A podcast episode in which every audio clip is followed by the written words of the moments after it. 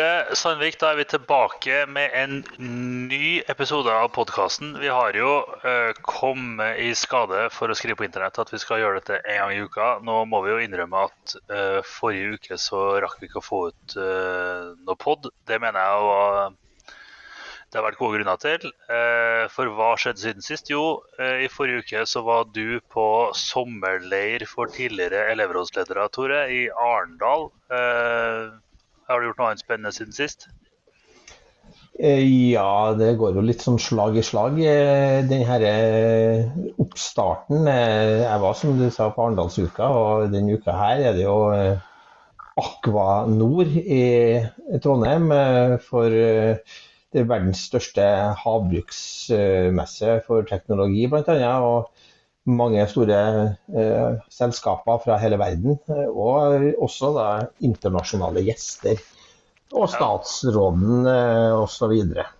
Kjempe, det er jo kjempespennende. Du blir jo over en, en, en breiside over ei helside i Adresseavisa anklaga for å prioritere å henge i skjørtekantene til statsråden på Aquanor framfor å avholde fylkesutvalg. Men det kan vi, jo, kan vi komme tilbake til. Men du har altså gått tørrskodd fra konferanse til konferanse siden forrige gang eh, lytterne hadde glede av å å høre oss prate. Men Arendalsuka er jo Det var jo der vi avslutta litt, eller snakka litt om i eh, forrige gang i poden at, vi, at du skulle dit. Jeg skulle ikke dit, og, og det har jo eh, konsulenter tidligere eh, ment at man, det betyr at man er irrelevant for samfunnsdebatten. Men det er jo et det er jo et spennende sted å være. Det er jo veldig mye folk fra, fra hele landet.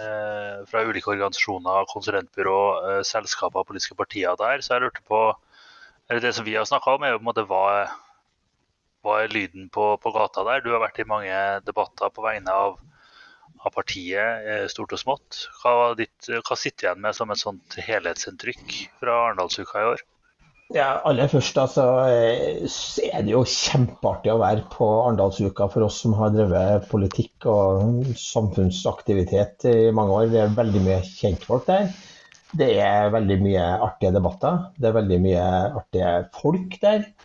Eh, og eh, det varer jo langt utover kveldene, og det er sosialt. og eh, Jeg syns det er kjempeartig å være der. Men jeg takka jo Ja, eller stilte meg til rådighet, da, siden jeg ikke skal ha gjenvalg.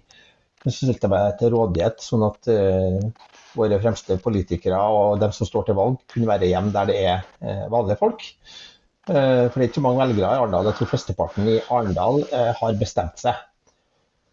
Eh, ja. Men uh, lyden av Arendal, ja, det blir jo, det blir jo som boble. For det er over 1000 arrangement der. Det er jo enormt mye pressgrupper og andre som er der og setter dagsorden. Uh, men jeg var syns det var mye preg av havvind, men også AI, altså kunstig intelligens og teknologi, var det mye debatter på. Og ellers eh, så er det jo en del sånn eh, tradisjonelle debatter da, om eh, finans, og det er masse pressgrupper.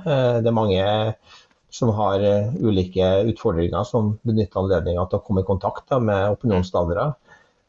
Så, men havvind i hvert fall, og, og AI, det ramler jeg mye borti.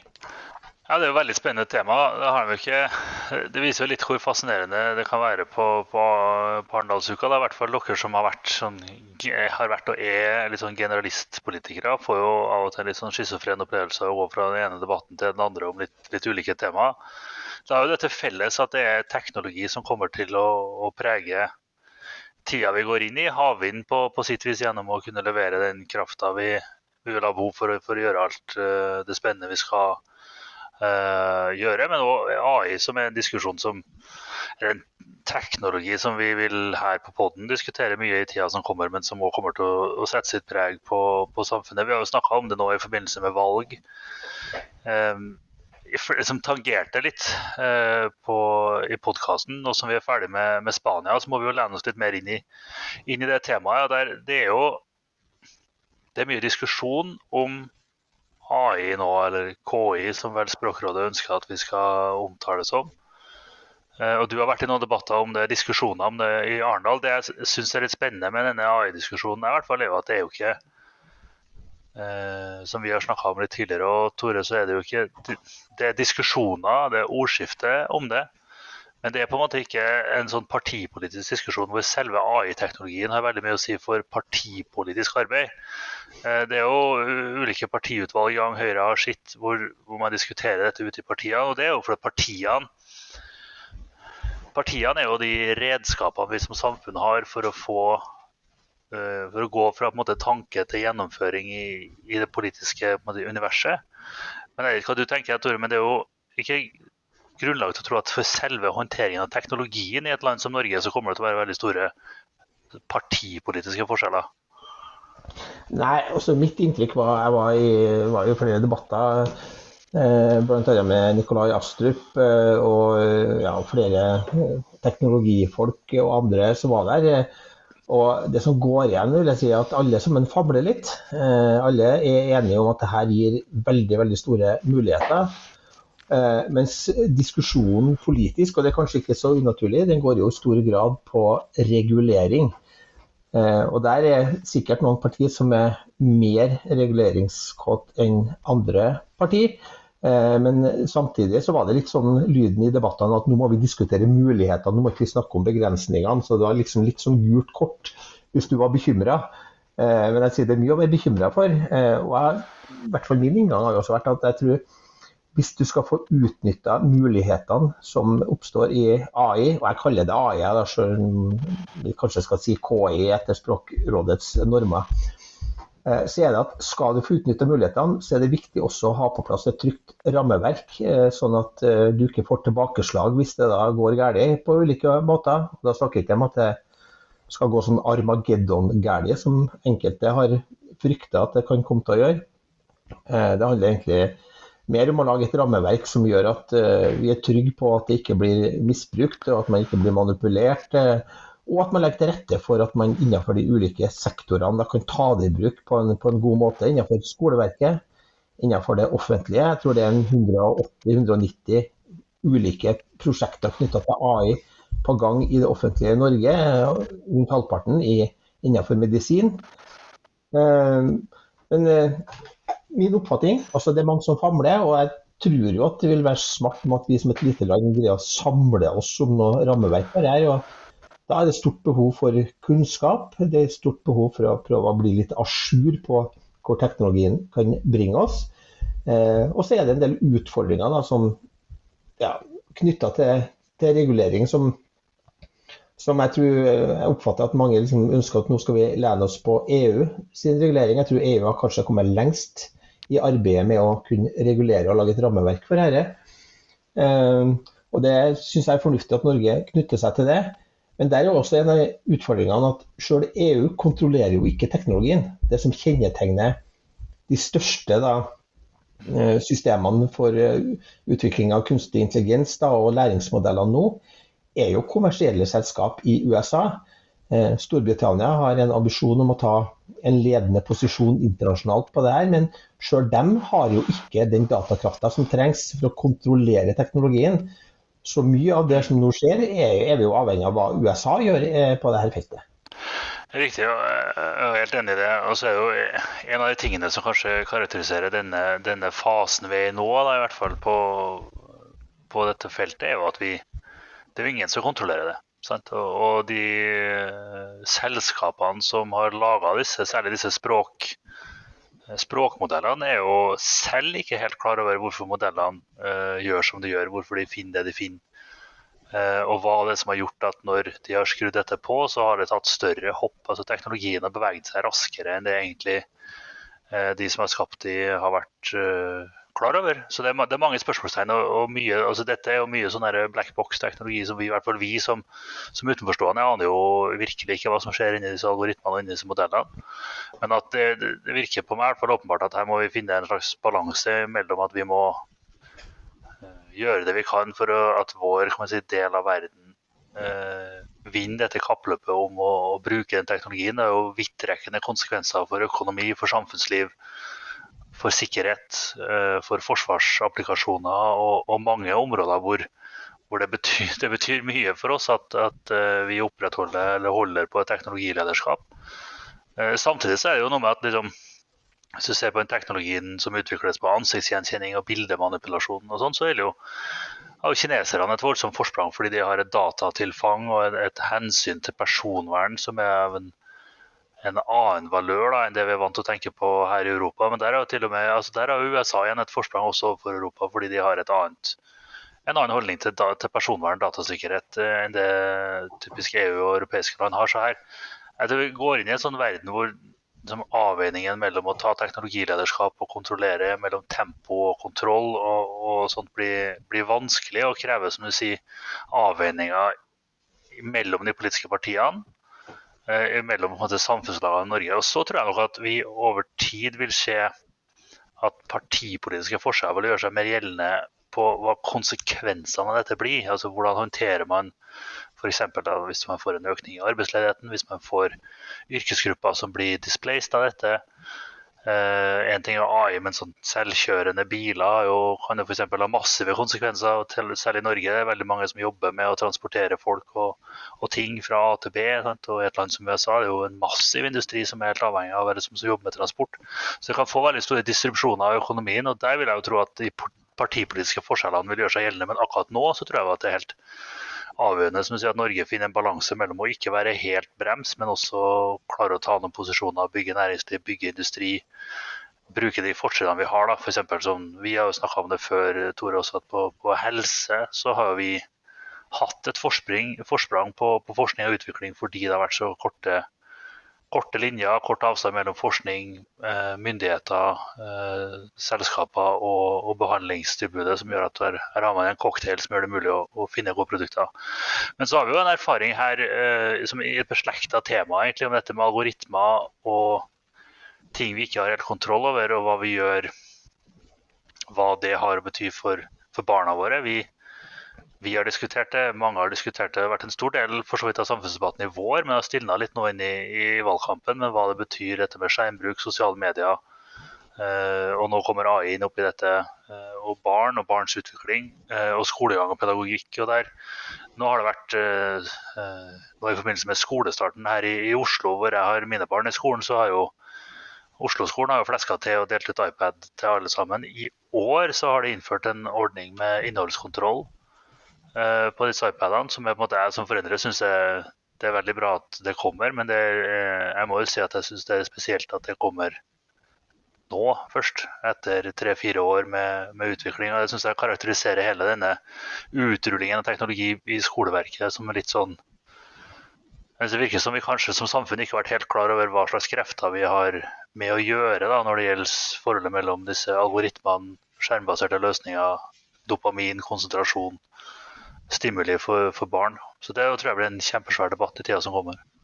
Ja, det, det, kommer til å bli en, en, stor debatt. og eh, Det er jo et kjempesvært sosialt eksperiment vi har satt i gang ved at vi har overlatt eh, barn alene med et kjempe, kjempekraftig verktøy.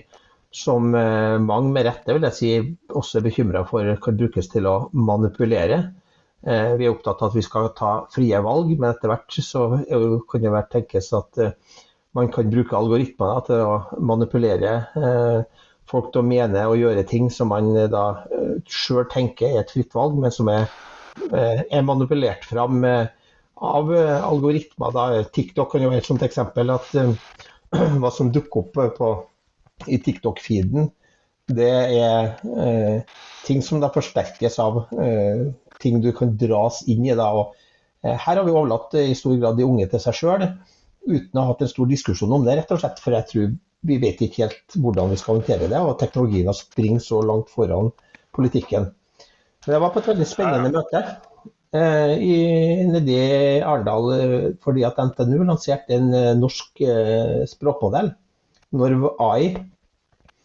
Eh, fordi at eh, alle som har prøvd ChatGPT, merker jo at uh, norsken halter litt. Selv om litt, uh, litt grann stivbeint uh, norsken du får ut av, av de programmene. Men det, så det, det er jo kjempespennende. Vi har jo, jeg har jo også prøvd, også i forbindelse med denne podkasten, kan vi ikke bare la AI skrive liksom, promoteksten her, da, og, eller oversette ting? Og det blir jo som en litt grann eh, småberusa, eh, sånn eh, litt overivrig og småberusa konsulent som har skrevet dette, disse tekstene, i hvert fall hvis man prøver å oversette amerikansk selskapstekst.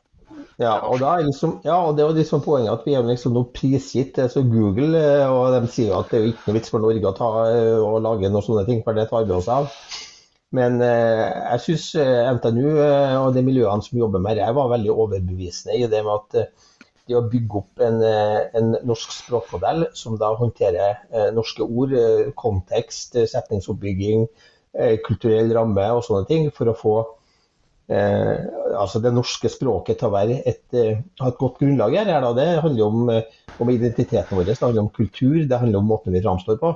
Mm. Jeg vet også det er tilsvarende diskusjoner i latinske land, i Spania. Blant annet diskuterer de at de må lage en spansk språkmodell. For engelsk er så dominerende at det blir på en måte med utgangspunkt i, i, engelsk det meste som skjer, for det er mest engelsk eh, av de dataene man har brukt i læringsmodellene. Eh, og Man snakka jo nå om å, å, bygge opp en norsk språkmodell med opp mot 30-40 milliarder ord. Eh, og, og vendinger, også da med, med nordiske eh, språk. Man snakker om en, kanskje en germansk språkmodell. Eh, en norsk språkmodell. ja, men det krever en enorm datakraft. Jeg tror de snakka på NTNU at de må bruke den kraftigste datamaskinen vi har i Norge, tror jeg det er Idun på NTNU, i tre-fire måneder dedikert til å kjøre hvis du skal eh, bygge denne språkmodellen. Og det er klart det er andre som ønsker bruk av den maskinen, og, og skal man holde tritt og, og laste inn enda mer avansert eh, læring, så må man kjøpe flere mikrochips, og de er svindyr. Jeg tror vi snakker om milliardbeløp hvis vi skal kunne holde tritt. og jeg tenker at Det er kanskje en av posisjonene som norske politiske partier må ta en grundig diskusjon på om vi kanskje bør investere i å ha litt kontroll eh, med de læringsmodellene, og ikke minst språkmodellene, eh, sånn at norsk språk eh, ivaretas i disse sammenhengene. Det er jo kjempespennende. Det, det er jo uh, Utvikling av en norsk språkmodell er jo en nisje hvor det er lite trolig at det vil være mange andre land som konkurrerer om å, å, vinne fram. Så her har jo i hvert fall Norge et et fortrinn. Jeg tenkte, tenkte, når du sa det, Tore, at, eh, at spanjolene også tenker på å lage en, en spansk språkmodell. At et, et, utfall av de her forhandlingene som nå pågår eh, om å overta regjeringsmakta i, i, Spania, fort vil være at det også skal lage en baskisk og en, eh, en katalansk språkmodell eh, som er utfallet av dette. Men det er jo det er store investeringer. Jeg tenker at en altså, Som du sier, da, altså, vi går inn i en tid nå hvor, hvor dette altså, AI, datakraft, IT-delen kommer til å kreve store investeringer hvis vi skal holde på de posisjonene eller ta de posisjonene vi ønsker og som vi føler kler Norge i en internasjonal økonomi som, som blir veldig prega av dette. Og så må vi jo finne rom i budsjettene for en ganske kraftig økning av forsvarssatsingen. Og så må vi legge til rette for mer, eh, mer kraft til å både ha energi til å lage våpen og forsvarsmateriell, til å lagre alle disse dataene som skal gå inn i disse modellene. Det, vi har jo hatt en uh, opprivende og festlig debatt om datasenter i, de årene som er bak oss, men det er jo bl.a. disse tingene her da, som, som, det skal gå til. Og så er vi tilbake på det vi har snakka om mange ganger, Tore, som er at uh, for Norges del så er et av de store spørsmålene i tillegg til hvor skal vi putte milliardene som vi har, er jo hva skal vi gjøre med kompetent personell til å satse på dette. For I tillegg til at vi ønsker å satse på AI, vi ønsker å satse på digitalisering, så skal vi jo øh, drive industrien som vi har. Vi skal bygge ny industri, vi skal ta vare på, øh, på eldre, som det blir flere og flere av. Vi skal ha folk i omsorgsbransjene. Øh, vi skal ha batteriprodusenter etc. etc. Og den floka som norsk politikk går inn i nå, som kanskje blir større enn mange andre, er jo hvem skal gjøre alt dette sant? Mm. av folk. da.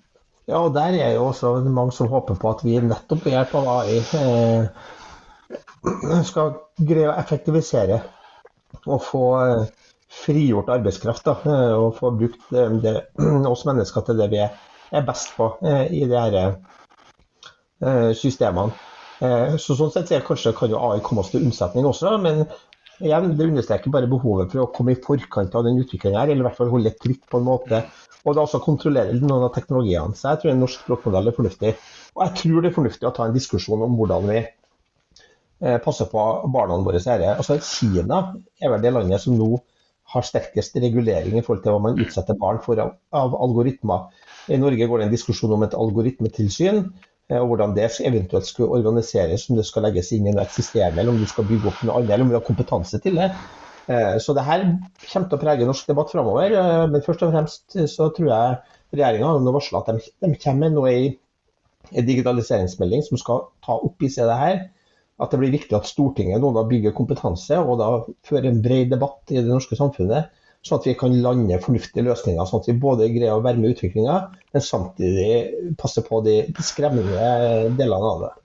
Jeg tror det, det er kjempeviktig det du sier der, og at, at Stortinget er partiene som måtte er si, folks verktøy da, for å komme i inngripen med det som foregår her. Uh, har gode diskusjoner. Det tror jeg er helt avgjørende. Og så tror jeg at vi må jo også da dra litt lærdom av det som har skjedd på, på algoritmer, sosiale medier, digitalisering, nettbrett, telefoner overfor barn. At vi må, vi må ikke komme en gang til i den situasjonen at vi sitter med litt vond smak i munnen på hva vi har eh, satt i gang, uten å ha noe eh, brems å dra i eller noen kriterier for, for utrullingen, eller hva som eh, altså, Noen kriterier for å dra i noen bremser eller gjøre noen ting med, med, det som ser ut til å bli en Det er et stort eksperiment som ser ut til å gå bare sånn passe greit, egentlig. Og også en, liksom, for oss som Arbeiderpartiet, eller oss da, altså for, for Arbeiderpartiet og sosialdemokratiske partier så blir det også viktig å navigere og finne ut av hva, hva er det dette som, som blir drivere for økt ulikhet i samfunnet. Hva vil forsterke de ulikhetslinjene som, som går nå, og hvordan kan man eventuelt eh, motvirke det for å hindre at teknologien som kommer nå bare sementerer og kanskje til en viss grad utvide de ulikhetene som, som er i samfunnet. da. Eh, at det blir en sånn have og, have not ut av dette her òg. Mm. Ja, før så har det vært en diskusjon om Eh, på sosial ulikhet om det var noen som hadde, fikk tak i hardwaren, altså en iPhone, en iPad eller en datamaskin. Eh, mens nå så tror jeg kanskje diskusjonen også, eller vi kommer til å se utfordringer med hvem er det som greier da, å regulere det her eh, dopaminstimulansen da, i hodene våre og til våre barn eh, framover. Hvem er det som greier å ta pauser, hvem klarer å sette grenser, hvem greier å la barna konsentrere seg om andre ting, lese en bok klatre i trær, uh, ute og sparke fotball. Uh, og ikke da uh, ja, bruke det som et slags digitalt dop, da, eller barnevakt eller andre ting som jeg tror alle vi foreldre har kjent på en slags stikk av dårlig samvittighet, og kanskje spesielt i pandemien, at det er ofte en veldig lettvint barnevakt. da. Ja, det er noe med det. Jeg tror vi må, vi må lære av de erfaringene vi har gjort oss der da, når vi går inn i disse litt større AI- og algoritmediskusjonene. Men jeg tenker, Tore, når vi snakker om dopaminproduksjon, digitalt dop uh, og ting som er uh, uhorvelig interessant og spennende, så kan vi jo også bevege oss over på andre ting som har skjedd i verden rundt oss. Jeg kjenner i hvert fall at dopaminproduksjonen min uh, er i høygir når jeg tenker på at det er lyst ut nyvalg i Nederland i november i år med ny dynamikk. Eh, vi har jo satt oss for i denne podkasten å dekke litt av det som foregår i europeisk, eh, i europeisk politikk. Det er jo litt eh, vår nisje. Vi er jo i ferd allerede, ser jeg, i norske podkastuniverset å bevege oss over i å være amerikaeksperter alle sammen. Så, men det er fortsatt et lite vindu hvor det går an å snakke om europeiske valg. Og det er mye som skjer. Vi har hatt en, en stor og lang runde på Spania. Nå tror ikke jeg det er så mange av de som kommer nå som vi kommer til å ha like omfattende runder på. Eh, men det er klart, valget i Nederland tror jeg blir spennende av litt mange årsaker. egentlig, For det er jo han eh, Rutte som, som går av statsminister i Nederland, har jo vært litt sånn beskrevet som limet i en del av disse EU-prosessene. Sittet veldig lenge, kjenner veldig mange, er liksom i, uh, vært, vært, en viktig person. Nå går han av. For oss som er sosialdemokrater så har jo nederlandsk politikk vært en ubetinga lidelse å følge de siste årene. Det, vårt eh, Arbeiderpartiets nederlandske søsterparti jo, har, jo vært, har jo spilt den rollen som det er veldig velkomment at noen har i internasjonale møter, hvor man i hvert fall slår seg på ryggen og sier at vi, vi er i hvert fall ikke det nederlandske Arbeiderpartiet. Eh, for det, det, gikk jo fra å være over 20 til å være ned på ett siffer i ett valg, eh, gjennom ett valg, og har holdt seg veldig veldig lave siden det. Det som skjer nå i Nederland er jo litt spennende, for nå har det dukka opp en slags allianse mellom De grønne og, og Arbeiderpartiet. Eh, som da skal ha, etter alt å dømme, han eh, Timmermans. Eh, som i dag er EU-kommisjonær, eller visepresident i, i EU-kommisjonen, egentlig med ansvar for energiomstilling, ja, klima og sånn. Ja, og Han er vel en sånn internasjonal superstjerne når det gjelder klimapolitikk? Han er vel han er jo det. Han har vært EUs topp ja, han har vært EUs toppdiplomat på klima og har hatt ansvaret internt i EU for å drive gjennom dette EU Green New Deal. har vært en, en, en viktig person både, både i håndtering av energikrisen nå, men òg liksom den store omstillingen som EU står i og skal gjennom. Han har sagt at han tar permisjon fra vervet som kommisjonær for å stille som statsministerkandidat, eller i hvert fall være aktuell som statsministerkandidat for denne alliansen.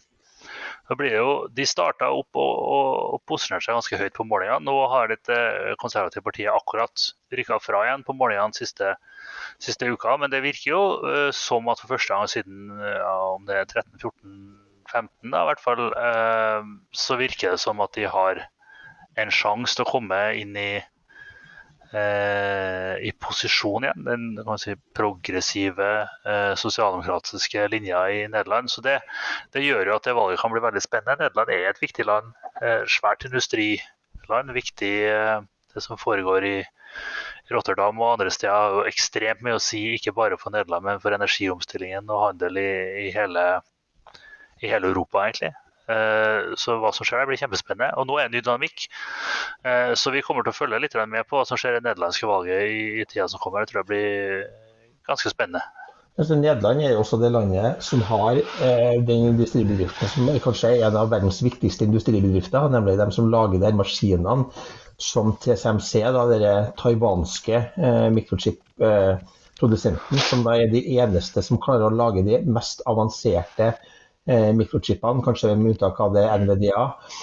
Eh, så de leverer de maskinene du er helt avhengig av for å kunne eh, produsere de mikrochipene. Og de er jo også da et av de selskapene som har amerikansk teknologi i seg, som da er en del av denne boikottaksjonen eller sanksjonene som Biden har da satt i verk mot Kina, for at Kina ikke skal kunne ja, greier å produsere tilsvarende mikrochipper. Så Nederland er et, eh, et, land å følge med på på, på mange måter. Det er det nå, Apropos det, du sa, det vi snakka om i stad, så har vel eh, Taiwan Semiconductor eh, sagt de skal bygge en fabrikk i Tyskland eh, med disse bl.a. teknologi som er utvikla eh, på amerikanske patenter, men som produseres i Nederland. Men det er jo ja, et veldig spennende land. Har mye å si eh, for energiomstillingen fordi det er en hub på mange måter. Både for fossil energi, men, eh, men også på, på, ny fornybar, på hydrogen, på, på mer industrielle produkter. Veldig spennende å, å, følge. I Polen er det også valg. Eh, der er det ekstremt lite dynamikk i målingene. Der har vi jo eh, snakka med folk og driver og forbereder i hvert fall inni hodene våre og ha en pod mer sånn direkte på det polske valget. der snakka vi jo litt om det i forrige pod, så du trenger ikke å gå så mye inn i det nå. utover å si at Der, der har vi noe til hensikt å komme tilbake med, med, noe mer. Det er jo mange eh, med polsk opprinnelse som, som, er og bor i Norge. Det er et valg som er viktig for mange som bor her, men Polen er også et svært europeisk land, har mye å si. Men der, etter det kanskje på målinga i hvert fall, så ligger utviklingen eh, helt flatt eh, der. Ja, og, det, og flatt er i våre øyne ikke spesielt lovende.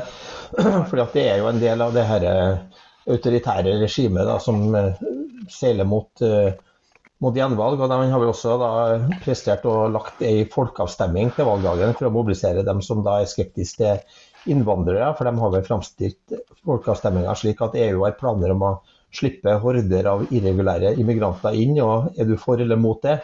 Det er litt en sånn å ta en Cal Rove, altså den legendariske valgkampsjefen eh, og strategen til George Bush den yngre, som da la abortavstemminga i vippestater for å mobilisere opp da de konservative kristne til å gå og stemme eh, til den folkeavstemminga, samtidig slenge i en George Bush-stemme. Han vant jo Ohio på den måten, bl.a. norskætta Carl Rove, som mange mener er et sånn valgkampgeni. Han er fortsatt en ganske sånn biased Eh, valgkommentator i, i, amerikanske valg.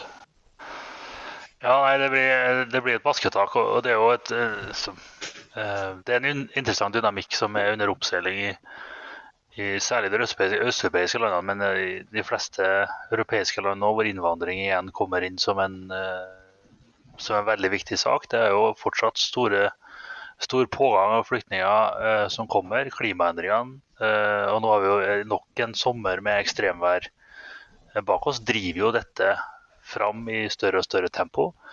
Så da oppstår det en situasjon hvor du har massiv motstand mot å få innvandrere inn, samtidig som økonomien i de landene og også da en god del av de europeiske landene er helt avhengig av å få innvandring inn for at hjulene skal gå rundt. Jeg snakka litt om det i forbindelse med Spania, men det er sant i Polen. Det er sant mange steder at, at det er innvandrere må inn for at økonomien skal gå rundt. Så du får en veldig pussig dynamikk hvor næringslivet og, samfunnslivet på en måte skriker etter mer kompetanse, mer mennesker, mer folk. Samtidig som den politiske dynamikken dreier seg om å, å hindre at folk kommer inn. Eh, og det er noe som, som, kommer til å bli en deprimerende stor dynamikk i, i tida som kommer, etter hvert som konflikt, mattilgang, klimaendringer driver flyktningstrømmene opp. da. Så dette blir ikke siste vi ser av det temaet. Men Polen skal vi uh, følge mer eh, følge mer på i, i tida som kommer. Så må vi vel også innom den store internasjonale snakkisen. Eh, at eh, det er helt åpenbart uttrykt å fly som opprører i Russland. Det er det, og så må jeg jo si at det å være eh, Man tar vel ikke med seg sin private her og marsjerer mot Moskva eh, uten å tenke at det kan innebære konsekvenser. Det var jo mange som stussa over at da han eh, Prigozjin gikk mot Moskva, først tok militærbasene der hvor eh, han var ved fronten, og så marsjerte inn mot Moskva, at Putin var så tilbakeholden i, i sin respons. Nå er det jo De fleste observatørene er vel eh, entydig på det sporet at dette var Putin som eh, Dette var payback time for det som skjedde. Eh, men her har altså Istedenfor å liksom lage masse baluba, uh, slå ned uh, dem i, i, marsjen, på en måte, og på en måte som skapte konflikt og uro rundt, rundt Moskva. Og på, på, et tidspunkt hvor måte, kritikken fra Wagner-gruppa mot det som foregikk i Ukraina, var på sitt største, så har man nå på et tidspunkt hvor uh, den ukrainske offensiven går som så som så. det er en stund siden dette skjedde. så har man altså delt ut payback på um, på etterskudd, men på vel eh, tomånedersdagen eh, for, eh, for opprøret. Da. Eh, så det er jo et eh, Det er som du sier, det er jo farlig å fly innenriks i Moskva som opprørsleder, og det har vi jo fått eh, nok et bevis på nå. Men dette er jo en eh, det viser også at Putin har nærmest total kontroll på dette, og det er nå igjen ingen reelle og seriøse utfordrere der. da. Men eh, det er jo litt artig å følge de spekulasjonene som går, for det har jo vært eh, spekulasjoner på om hva var egentlig Prigozjin allerede tatt av dage, at man bare kaster liket inn i flyvraket. Om, om det her flyet om det er skutt ned med antiluftskyts, eller om det var en bombe om bord. Har endog hørt noen som kanskje lanserte teorien om at det er Prigozjin sjøl som har staged sin egen død, altså satt en bombe om bord i flyet. og kledd seg ut med løsbriller og løsbart og gjemt seg ned i Afrika, for det flyet kom jo fra Afrika. Eh, men jeg tror nok at eh, jeg heller mot den teorien at eh, Putin har satt opp en felle. Han har gitt en slakke, han har gitt en nye oppdrag nedi Mali i Afrika. Der var han nedi med hele ledergruppa si. Og så har han da fått godt vær for å fly hjem til Moskva, og ja, endte sine dager da på ei plen ikke langt ifra eh, hovedstaden, var det vel? Ja, det er en del, i hvert fall i går, eh, går ettermiddag kveld, som, som også antyda at det var jo eh, spesielt at russiske luftfartsmyndigheter hadde bekrefta passasjerliste og at han var om bord i flyet omtrent før vrakgodset hadde landa på, på, bakken. og at Det på en måte i hvert fall indikerer at her var det et budskap som skulle ut. og Det er jo ikke noe tvil om at den kommunikative effekten av dette på andre som eh, skulle måtte ønske å ta med seg sin private her eh, og marsjere mot Moskva, eh, han trolig ikke til å misforstå. Nei, normalt sett så har jo Putin forgifta disse folkene, så nå har han jo valgt en eh, litt annen metode. Men eh, tilbakemeldinga er jo klar. Eh, altså, han despoten eh, til enhver som har tanker eller ideer om å gå imot den, de blir kortliva. Ja, altså det er et Det er jo tragisk det som foregår i Russland, og dette jo føyer seg inn i rekka av uh, sprø ting som, som, skjer. Vi lever jo i en, i en tid som vil være fruktbar for framtidige forfattere av spion- og spenningsromaner. Dette føyer seg bare inn i rekka over, over, ting som har skjedd, men det er klart. Det viser jo at han sitter eh, veldig trygt som despot og, der borte. Men det har skjedd mer. Eh, for samtidig som han er Prigozjin falt ned, eh, og da, eh, som da alle har konkludert med, blir drept av en Putin, eller på hans ordre, så var vel Putin på BRICS-møte i Sør-Afrika. Ja, Han var vel til stede virtuelt. Han, der, eh, han hadde vel fått en, en Teams-lenke fra arrangørene. Eh, for han kan jo ikke dra dit. Der er det jo, han er, det er jo utstedt arrestordre på, på, Putin eh, som følge av det som skjer i, i Ukraina. Så, og det er vel sånn at Sør-Afrika er vel pålagt å arrestere Putin skulle han komme på det møtet som de hadde invitert han til. Og da løste de det med å ta det på Teams. Jeg lurer meg på hvordan Teams-møter foregår med, med, sånne statsledere. Om også de blir, blir sittende sånn at du peker noe på hånda. Så du, Putin har bedt om ordet, eller er det gammel hånd? Eller om ja, det Det er alltid litt krise når man er den ene som er med på skjerm. Så er det sånn at ordstyreren får ikke med seg at den lille Teams-hånda står og, og, blinker ned i hjørnet og får få prikka litt på skuldra av, av, av naboen sin. At nå har Putin har bedt om ordet. Eh, og så er det sånn Er det gammel hånd, ny hånd? Nei, det var til forrige sak. Ja. Det er veldig krevende. Eller Putin, du er muta. Men jeg syns det er, for å sette det inn i en sammenheng så Første BRICS er jo en sånn eh, samarbeidsorganisasjon med Brasil, Russland, India, Kina og Sør-Afrika. Til sammen så har jo de nesten halvparten av jordas befolkning eh, som innbyggere. Eh, og eh, Vi snakker jo også at Kina i det selskapet har vi vel vent oss til men India er der, eh, Sør-Afrika er der, og Brasil er der. Og vi har jo allerede merka at eh, selv om Lula vant valget eh, mot han fryktelige Bolsonaro, så har han opprettholdt en lojalitet. De fortsatt å skrive handelsavtaler med, med, Russland og prøver å fordele litt sånn skyld på Ukraina-krigen. i det, Og sitter altså da i møter med en fyr da, som driver og dreper sine opposisjonelle og driver en fryktelig angrepskrig mot uskyldige sivile i, i nabolaget. Så eh, Det er jo en organisasjon som samarbeider stadig dypere, har ambisjoner om å lage en ny økonomisk verdensorden. Har hatt ambisjoner om å etablere en valuta som skal konkurrere med, med dollaren. Eh, og eh, inviterer jo også nye land inn. De er på en måte et slags eh, nytt G7 eh, som motvekt til en av de store og sterke organisasjonene da, som samarbeider tett om å sette en slags eh, ha, ha, kontroll på eh, verdensinstitusjonene etter andre verdenskrig. altså Det såkalte Bretton Woods-institusjonene. Eh, og De nye medlemmene som banker på døra, er jo da Iran, Argentina og Saudi-Arabia. Eh, hva navnet blir, om det blir eh, BRICS-IAS eller som det, det vet jeg ikke, men det sier jo noe om at det er tunge krefter og bevegelser i gang geopolitisk. Eh, som skaper geopolitiske rystelser internasjonalt, eh, og som har ambisjoner da, om å bruke den økonomiske makta de har, og de tunge befolkningskonsentrasjonene de har, til å ta en rolle internasjonalt. Så det kommer til å påvirke internasjonal politikk tungt. Eh, fordi både Iran og Argentina, men ikke minst Saudi-Arabia, er jo eh, store land med sterk innflytelse over verdensøkonomien og de geopolitiske situasjonene. Det, det, det, viser jo igjen at vi, vi, lever jo i en tidsalder. altså Nå har vi jo eh, bak oss en periode med eh, først kald krig og så eh, mange år med, USA som den eneste og, og suverene stormakten, til nå å være i en periode hvor det er man kan se på det som flere poler eller ingen poler, men i hvert fall at vi, vi, vi er i en, en, periode med store spenninger hvor flere konkurrerer om makt og innflytelse. Eh, makt og innflytelse i internasjonal politikk utøves jo gjennom de institusjonene som du nevnte, altså de finansielle institusjonene, kapitalstrømmer, eh, valuta og også militærmakt.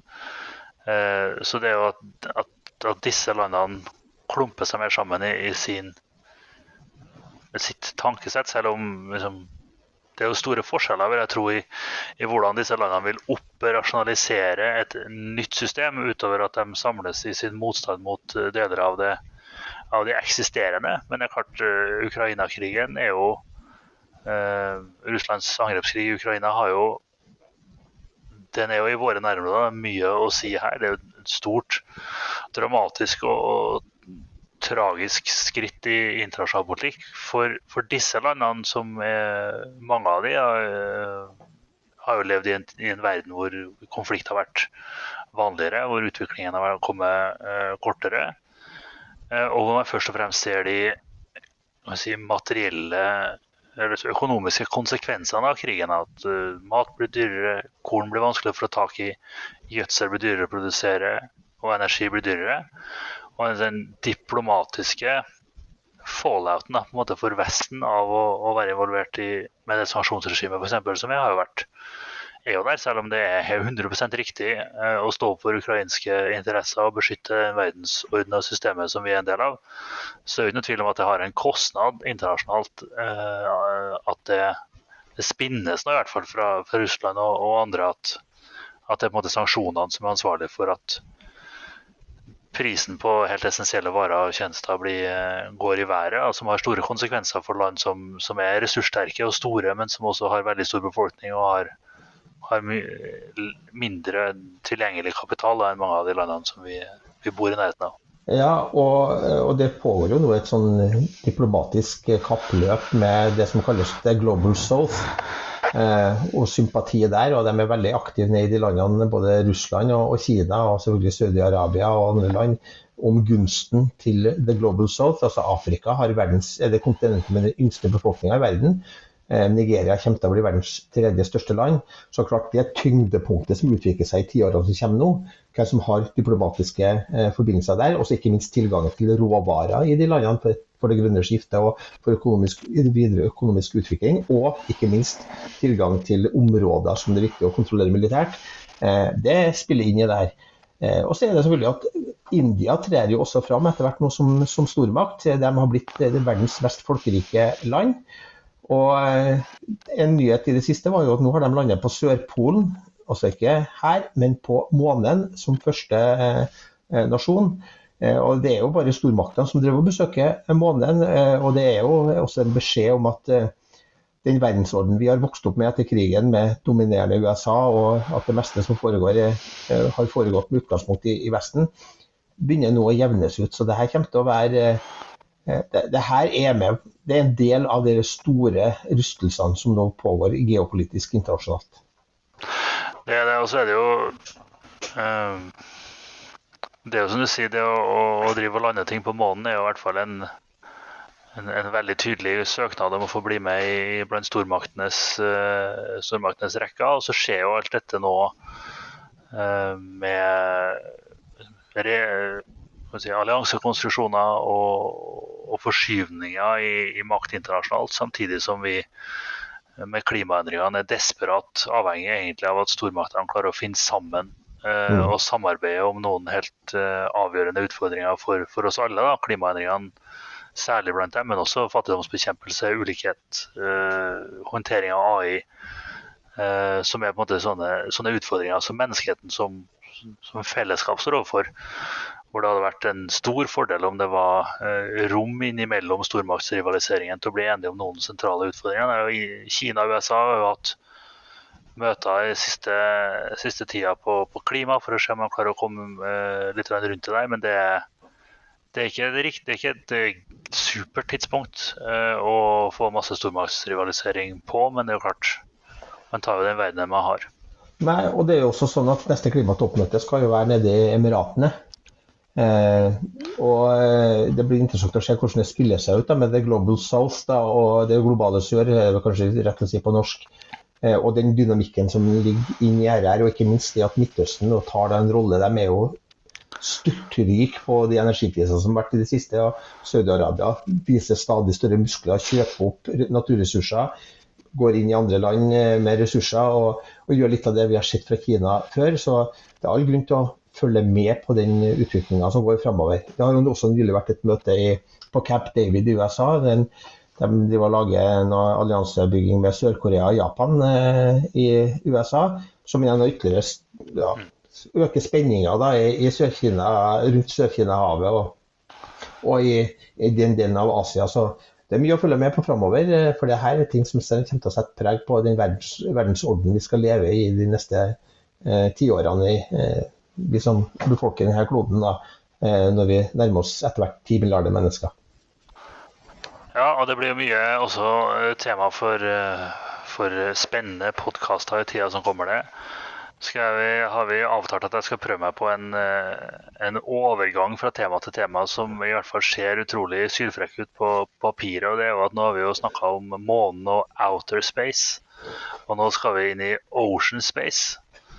Uh, og det, for det har jo vært uh, flere havrelaterte uh, hendelser kan man si, i, i, den siste uka. Jeg har jo brukt, husker jeg etter jeg starta i, i Arbeiderpartiet en del tid på å bli komfortabel med dette begrepet ocean space. men nå vi, vi, kan jo starte med at det nå, nå er, eller i hvert fall har vært eller er, Aquanor i Trøndelag, Trondheim, som jo er et en messe eh, for folk som går på konferanser, men som handler om havet. Norges posisjon er jo on display. Du har vært der og hengt i skjørtekantene til uh, dignitaries der. Har du lyst til å gi en liten rapport om hvordan Norge ser ut fra et av våre absolutte styrkeområder, som er å håndtere havrommet? Ja, altså Det ble jo et oppslag for noen var misfornøyd med Venstre og Miljøpartiet var misfornøyd med at vi hadde, feilaktig hadde vi satt opp da, et fylkesutvalg da, på åpningsdagen for Aquanor, og vi har en svær messe på den eh, havbruksmessa. Svær stand på den havbruksmessa også i, fra Trøndelags side. Det er jo den største eksportnæringa i, i, Trøndelag, altså havbruk. Vi eksporterer da i fjor eksporterte laks for 19,3 milliarder kroner. Eh, 311 000 tonn med laks eh, gikk ut fra, fra regionen vår. Eh, så vi flytta da fylkesutvalget. Det var noen misfornøyd med. Jeg mente at vi flytta det for at jeg skulle henge i skjørtekanten på Bjørnar Skjæran. Han, gikk i dress, så jeg ble litt skuffa. Eh, men det er, det massiv messe, og det viser også noe om styrken i den norske havbruksnæringa, eh, og ikke minst leverandørindustrien rundt det. Det er enormt mange leverandører der. Det er stor internasjonal deltakelse. Det er den største messa av sitt slag knytta til denne sektoren i verden. Det finnes også en Aquasyr som bruker å være i i Chile, eh, men her i Aquanor er langt, langt større. Eh, det er, mye, det er mange diplomater der, det er flere land. Det er mye internasjonalt eh, næringsliv der. Og det er stor interesse da, for produksjon av mat i havet. Altså, vi blir to milliarder flere mennesker på kloden. Vi vet at landjorda, matjorda, er under sterkt press. Vi må spise mer protein fra havet. Eh, og der har jo, Vi kan ikke mette hele verden med norsk laks, men vi har en leverandørindustri som kan bidra med å utvikle havbruk eh, i andre kystnasjoner. Eh, som da også kan bidra til at vi høster mer fra havet. Både proteiner, men også da tang, tare, andre ting. Altså, vi har snakket om at vi kan være vi kan, Du kan være vegetarianer av grønnsaker fra havet. Eh, som da også er en kjempestor mulighet eh, knytta til det. Og det er veldig mange bedrifter, eh, og veldig spennende å være på, på den havbruksmessa og, og, følge den eh, industrien som har vokst voldsomt, da, og hvor Norge har en ledende rolle. Ja, Det er jo kjempespennende. Og, og det, som du sier, det viser jo bare hvor, eh, det viser hvor, hvor store vi er i, i, i havrommet. Altså Én ting er jo disse havbruksnæringene, så er det klart eh, vi er jo store der både fordi vi har den fantastiske ressursen vi har i, i muligheten og evnen til å drive uh, med, havbruks, med, havbruk, men så er det jo også olje- og gassindustrien, shipping, etter hvert kanskje havbunnsmineraler. Så det er klart Norges Man kan liksom diskutere opp og ned og fram og tilbake hva Norge skal drive med i tida som kommer, men at, at mye av det kommer til å ta utgangspunkt i havet, er jo det er jo åpenbart det der vi, vi, er store, og havbruk er jo en av de tingene vi skal drive med etter olja, da, eh, som, er, som det er så fint å si, i tillegg til å være podkastverter og USA-eksperter, som er på en måte de andre hoved, hovednæringene i, i tida som kommer. Men hav, dette med havrommet og, og um, si, vår evne til å ta posisjoner der har jo vært for oss som kommer fra Trondheim, eh, en viktig del av det politiske virket i, eh, i mange mange år av, en, av også en, en, annen årsak. og det er jo, Jeg husker jeg starta i stortingsgruppa i Arbeiderpartiet i 2010. Eh, da hadde jeg så vidt kommet inn på kontoret før det ringte noen fra Trøndelag og sa du må få inn noe om Ocean Space. i egentlig alle papirene som, som for forbi energi- og miljøkomiteen. Da, og Det er jo dette Ocean Space Center. Uh, så hvor det har skjedd større ting nå i siste, Tore? Ja, Det som nå da er døpt om til Norsk havteknologisenter. Det Språkrådet har vært inn og funnet et ord som kan litt bedre på norsk, som også funker bra på, på engelsk. da, Norwegian Ocean Technology Center. Eh, det fikk vi jo lagt ned grunnstein på. Bjørnar Skjæran var å lage grunnstein på det, og det har jeg jobba med. faktisk Første planene fikk jeg i 2005. Jeg har masa fryktelig mye for å få på plass det. og det er jo fordi at eh, I 1939 så ble jo skipsmodelltanken etablert i, i Trondheim. Eh, og Det gjorde at Norge da tok en posisjon som en ledende maritim nasjon. Man utvikla moderne skip eh, med teknologi derifra. Så fikk man etter hvert bygd det såkalte havbassenget, som var helt avgjørende når offshorenæringa slo gjennom. Det kom i 1980. Mm. Og det er det tyngste eh, miljøet eh, internasjonalt når det gjelder teknologi som skal operere i det man kaller for havrommet. Altså det som er oppå, det som flyter, det som er i vannsøylen, og det som er da offshore, som norsk olje og gass har vært en viktig del av. Og etter hvert nå så har også da eh, havbruksnæringa vært der med sine merder, ikke minst offshore merder. Store merdekonstruksjoner som skal testes ut der da, for at man skal utvikle teknologi for å beherske det store havrommet. hvor altså, flesteparten, altså To tredjedeler av norske eksportinntekter er jo knytta til eh, havnæringene våre. Altså 80 eh, av landets befolkning bor 10 km eller nærmere eh, havet. Og vi vet veldig lite om havet. Altså, eh, man har jo utforska verdensrommet, som er selvfølgelig mye større enn havet. men Altså 70% av jordas overflate er dekka av hav. Om lag 80% av verdenshavene er dypere enn 3000 meter. Og det dypeste området for menneskelig aktivitet er Tobago-feltet eh, på 2900 meters dyp i Mexicogolfen. Eh, så det er veldig store utforska områder. Vi vet at veldig mye av svarene på menneskehetens utfordringer knytta til klima, eh, energiproduksjon, matproduksjon, Eh, og ikke minst da transport og logistikk er knytta til havet. Eh, så for oss har det vært viktig å ta det neste steget, og det det Norsk havteknologisenter skal være, er at der skal vi kunne teste ut av framtidas modeller for at Norge knytta til autonome skip, til eh, subsea-løsninger, knytta til matproduksjon, energiproduksjon. Altså havmøllene, havvindmøllene skal teste, testes ut der. Det har vært viktig for at Norge skal henge med i konkurransen, for det er flere land som har oppdaga at havet er viktig. Eh, og Norge var i ferd med å sakke akterut. Eh, og nå har vi altså brukt da, 18 eh, år på, på å få, få, få, lagt ned grunnstein. Så nå haster det å bli ferdig. Og vi er veldig veldig glad for at endelig har vi kommet i mål med at det blir da, et norsk havteknologisenter som gjør at Norge kan beholde den posisjonen som gjør at vi kan tiltrekke oss kompetanse. At norsk næringsliv og teknologiutvikling fortsatt kan være verdensledende knytta til, til havrommet. Ja, det, det, er utrolig spennende. Og vi har jo sett det mye fra det politiske hold.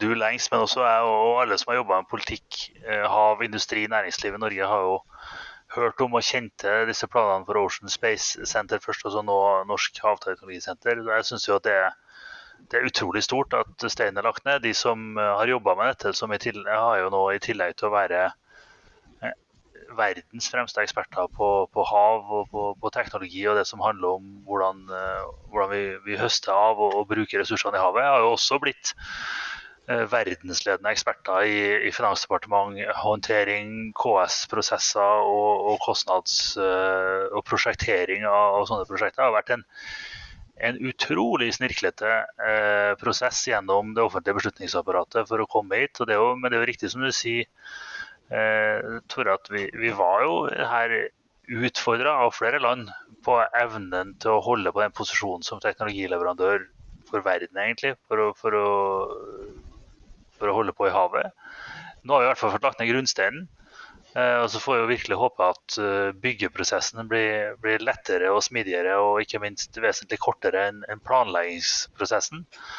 Eh, og at vi kan heller enn å bruke all tida vår på å planlegge og krangle om, om kostnadene på, på Havteknologisenteret, kan, kan, gripe mer muligheter som er i hav, havrommet. Jeg må jo si at det, fra, fra da jeg jobba i Arbeiderpartiet, i hvert fall jobba mye med Ocean Space. Hadde jo, vi hadde jo nesten-ulykke, jeg og, og, Lars uh, Råum, som er en uh, utrolig flink uh, fyr som har jobba i Arbeiderpartiet. Vi sto og prata om Ocean Space, og så kom vi inn på Ocean Space Race, som vel er et slags sånn teknologibasert som kappløp om å oppe på NTNU der og var litt upresis i ordlegginga vår og holdt på å ryke på en nestenulykke hvor vi endte opp med altså, Det kom noen forbi som har betydelig makt og innflytelse i partiet, som foreslo at Arbeiderpartiet burde, burde, stille lag i dette Ocean Space Race. Uh, og jeg tror at en, eh, en havgående olabil bygd av to statsvitere som jobba som rådgivere på Stortinget, kunne ha fått et eh, drag av, av ta sjansen, kanskje mer enn Ocean Space Race. Men det, det blir i hvert fall utrolig spennende for, eh, for Norge at dette er oppe og står nå. Altså. Ja, få... grunnst, grunnsteinen ligger nede. Altså, ja. Får jeg satse på at det kommer opp etter hvert. Ja, jeg må, jeg må få skryte litt av det Ocean Space Race. for altså, Det er altså Sintef som inviterer da, skoleklasser eh, rundt omkring i landet til å, å bygge da, farkoster eh, som testes ut da, i, i havbassenget. Så konkurrerer de da, om å, å lage den ut fra gitte kriterier den beste. og Det er masse Eh, teknologi, og det er masse matematikk, fysikk eh, og andre ting inn i, i konkurransene. Så det er kunnskapsbygging, og det er jo noe som jeg har veldig sans for. Da. Det er et forsøk også på å gjøre eh, faget da, mer spennende for å rekruttere selvfølgelig på sikt forskere og teknologer til, til Sintef Ocean og norsk næringsliv. Men det er også en mer praktisk skole. Da. Det er et praktisk arbeid der du kombinerer da, en artig konkurranse. De inviterer dem fra hele landet dit. Eh, for å være med og konkurrere, og jeg er enig med deg. Jeg er veldig glad for at ikke Arbeiderpartiets eh, rådgivere på Stortinget sitt eget Ap-lag er her. Jeg tror det kunne jo blitt ja, kunne mange, blitt, mange, eh, morsomme bilder. Jeg tror det kunne blitt veldig krevende. og Jeg tror jo at den i, partiet som mente at vi kanskje burde melde oss på, hadde angra på beslutningen relativt raskt etter vår farkost hadde blitt sjøsatt oppi bassenget. Men jeg tror dette blir, det er bra for Norge, det er bra for Trøndelag. og Så, så får vi satse på at byggeprosessen går smidig. Nå har vi eh, dekket over mange temaer i, i denne podkastepisoden. Det er jo det er så mye som skjer i verden, så at, eh, vi må innom ganske mye. Det som vi har eh, i hvert fall sagt nå, er at hvis vi kommer tilbake til de, flere av de valgene som skjer i Europa. At AI og kunstig intelligens og teknologi og, og skjermbruk og sånne er temaer som vi vil vende tilbake til utover høsten. Så har vi jo eh, fått innspill. Nå har vi jo snakka om hav, og vi har jo fått innspill fra, fra lytterne og Tore om at vi bør ha et tema om disse havbunnsmineralene i tida som kommer. Eh, og så må vi vel, eh, nå er det snart kommunevalg, stort sett alle vi kjenner er ute og er, engasjert i det. Vi har jo tenkt at uh, det er utfordrende for oss å lage en episode om kommunevalget uten at det blir liksom kleint for, for de uh, tre-fire lytterne vi har som, som ikke er, er medlem av Arbeiderpartiet. Men det, det, må vi nå bi oss ut på, tenker jeg. Så vi må, hvis folk har innspill til spesifikke temaer på kommunevalget som vi eh, bør innom, så er det bare å sende oss en, eh, en mail på Instagram-profilen vår eller på melding til, til, en av oss, og så kan vi prøve å, å dekke det i en slags sånn eh, kommunevalgspesial som vi vil gjennomføre i forkant av kommunevalget. Ja, jeg vil jo bare advare lytterne om at hvis det skjer og vi får til det, så kommer det til å være en ganske jeg er jo kommet i, i valgkamphumør, så det, det, kommer nok til å ligge inn et par oppfordringer om å stemme rett i, i denne episoden. Ja, sant. Så, det må jo folk bare regne med. og det er jo vi legger jo ikke skjul på uh, hvor vi kommer fra. og Det tror jeg er en forutsetning for at det, skal, at vi ikke skal bli felt i PFU uh, for, for, episoden vi skal, skal, om dette. Men det er jo et, et tema som opptar mange. Ja. Det er mye som skjer. Kommunevalg er jo det flotteste som, som er egentlig veldig mange beslutninger veldig nært folk eh, som tas eh, i etterkant av kommunevalget. så det er kjempespennende. Utrolig mange mennesker som er engasjert i det rundt omkring i det ganske land. Så vi skal prøve å gjøre det, gi det en, en rettferdig og god behandling, en, en podkastepisode i, i tida som kommer. I tillegg til det som skjer i Nederland, i Polen og, og, og mange andre steder uh, i tida som kommer. Det blir spennende tid. Vi skal prøve å komme oss tilbake på en i uka nå. Uh, men så er jo du har valgkampkalender og, og, det er mye som skjer. Men uh, vi, vi, legger oss på den ambisjonsnivået. Så da kan du ikke gå inn og abonnere på podkasten der hvor du laster ned podkaster. Så får du et pling i telefonen når vi får somla oss til å legge ut neste podkast. Da sier jeg takk for i dag. Takk for i dag.